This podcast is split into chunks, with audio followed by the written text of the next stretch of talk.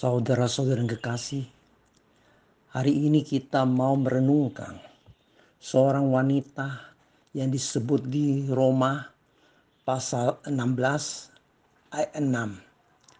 Salam kepada Maria yang telah bekerja keras untuk kamu. Di pasal terakhir dari surat Roma ini, dari ayat 3 sampai dengan ayat 16 tercatat salam pribadi dari Rasul Paulus. Cukup banyak orang yang Rasul Paulus kenal. Sekitar 28 orang. Ada dua pertanyaan yang bagus. Pertama, Rasul Paulus belum pernah ke Roma bagaimana kamu bisa mengenal begitu banyak orang. Kedua, di kisah para rasul yang tercatat sejarah penginjalan setelah Tuhan Yesus naik ke sorga, mulai pasal 13, terbentuklah pusat misi di Antioquia untuk mengutus Paulus dan kawan-kawan. Terdirilah jemaat-jemaat di daerah Asia dan Eropa hanya tidak tercatat pendirian jemaat di Roma.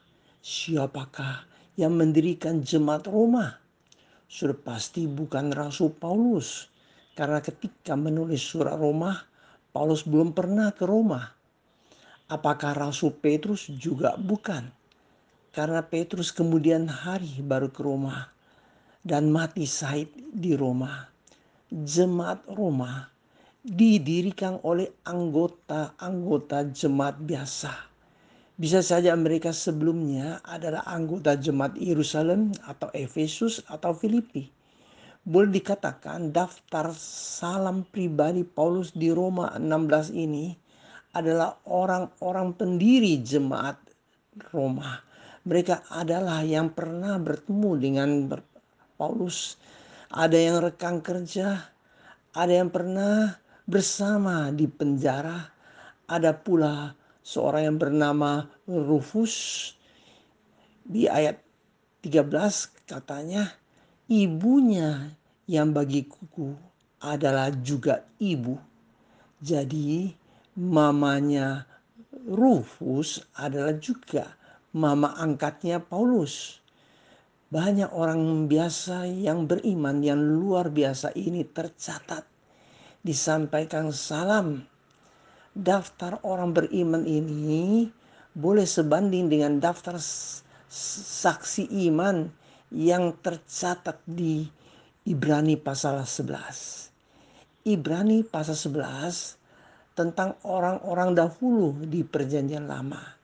Roma pasal 16 tercatat orang-orang now bagi Rasul Paulus semua daftar salam ini bisa menjadi teladan kita. Hari ini kita mau merenungkan seorang yang bernama Maria. Pasal 16 ayat 6 ini.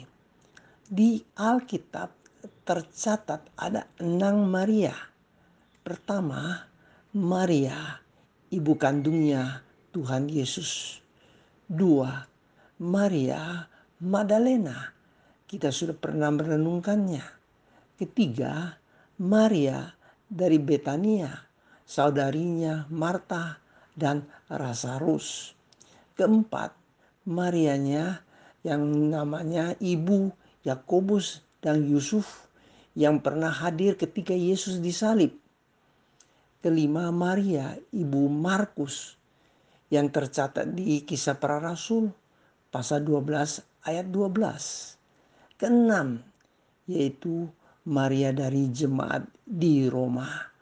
Ini Maria yang paling paling jarang disebut orang. Tapi semua wanita yang bernama Maria ini masing-masing ada sesuatu yang bisa menjadi teladan bagi kita. Ada dua pelajaran yang sangat penting yang bisa kita pelajari bersama. Pertama, Maria di Roma ini bukanlah orang yang terkenal tapi ia mengenal Tuhan dan dikenal Tuhan. Rasul Paulus mengenal Maria ini. Orang yang sangat rajin bekerja bagi Tuhan dan bagi jemaat. Orang yang rajin bekerja untuk Tuhan paling penting. Jangan sampai suatu hari ketika berjumpa dengan Tuhan, Tuhan mengatakan, Aku tidak pernah mengenal kamu. Matius pasal 7 ayat 23. Mereka ini pasti mengerjakan segala sesuatu khususnya dalam pelayanan hanya mau mengikuti kehendak Tuhan. Matius 7 ayat 21 sangat indah.